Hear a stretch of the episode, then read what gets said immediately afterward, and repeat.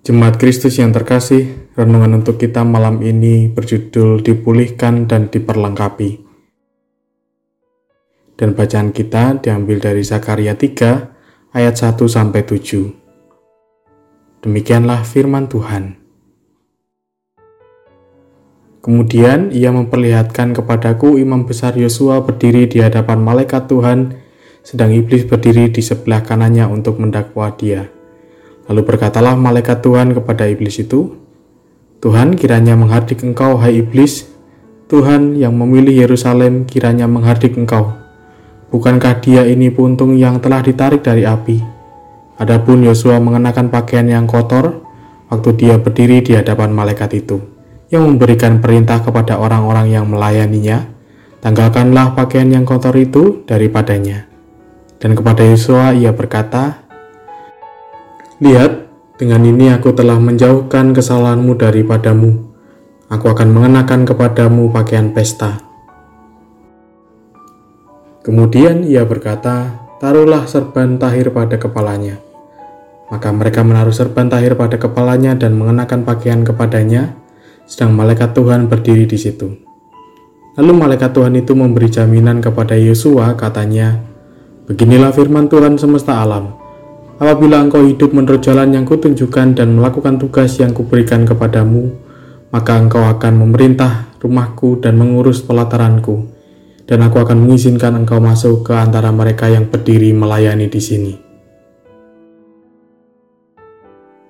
Saat kita membaca perikop ini, kemungkinan kita akan bertanya tentang apa salah dari imam besar Yosua sampai-sampai ia diperhadapkan pada penghakiman.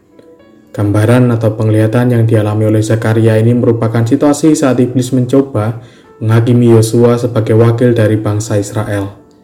Dengan dijatuhkannya Yosua dalam penghukuman, maka Israel pun akan mengalami hal yang sama, mengingat status Yosua sebagai pemimpin bangsa Israel setelah pembuangan.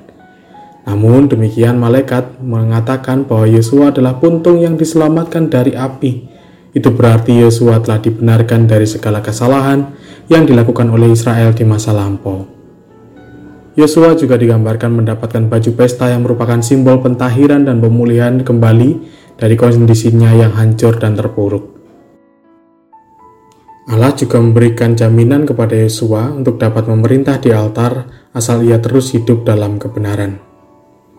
Mengalami pemulihan adalah sebuah perasaan yang luar biasa. Saat kita seperti berada di ujung tanduk, serta tak lagi memiliki harapan untuk dipulihkan. Lalu tiba-tiba Tuhan menunjukkan kasihnya dengan membawa kehidupan kita ke situasi yang lebih baik. Bukankah itu mengembirakan? Bila kita sudah pernah mengalami itu, syukurilah menjadi berkat yang tak terhingga dari Tuhan. Dan jaga itu sebagai anugerah yang berharga. Jangan sia-siakan pemberian dari Tuhan. Untuk kita yang masih dalam pergumulan, kerjakan itu dalam pengharapan kepada Allah Jangan menyerah, terus berjalan dalam terang pimpinan Tuhan. Tuhan akan menyatakan dan memulihkan kita di pada waktu yang paling tepat. Selamat bersyukur dan hidup dalam pengharapan dalam Tuhan. Demikian renungan malam ini.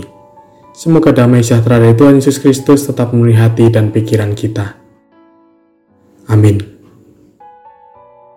Jemaat yang terkasih, Mari kita bersatu hati menaikkan pokok-pokok doa yang ada dalam gerakan doa 21 GKI Sarwa Indah.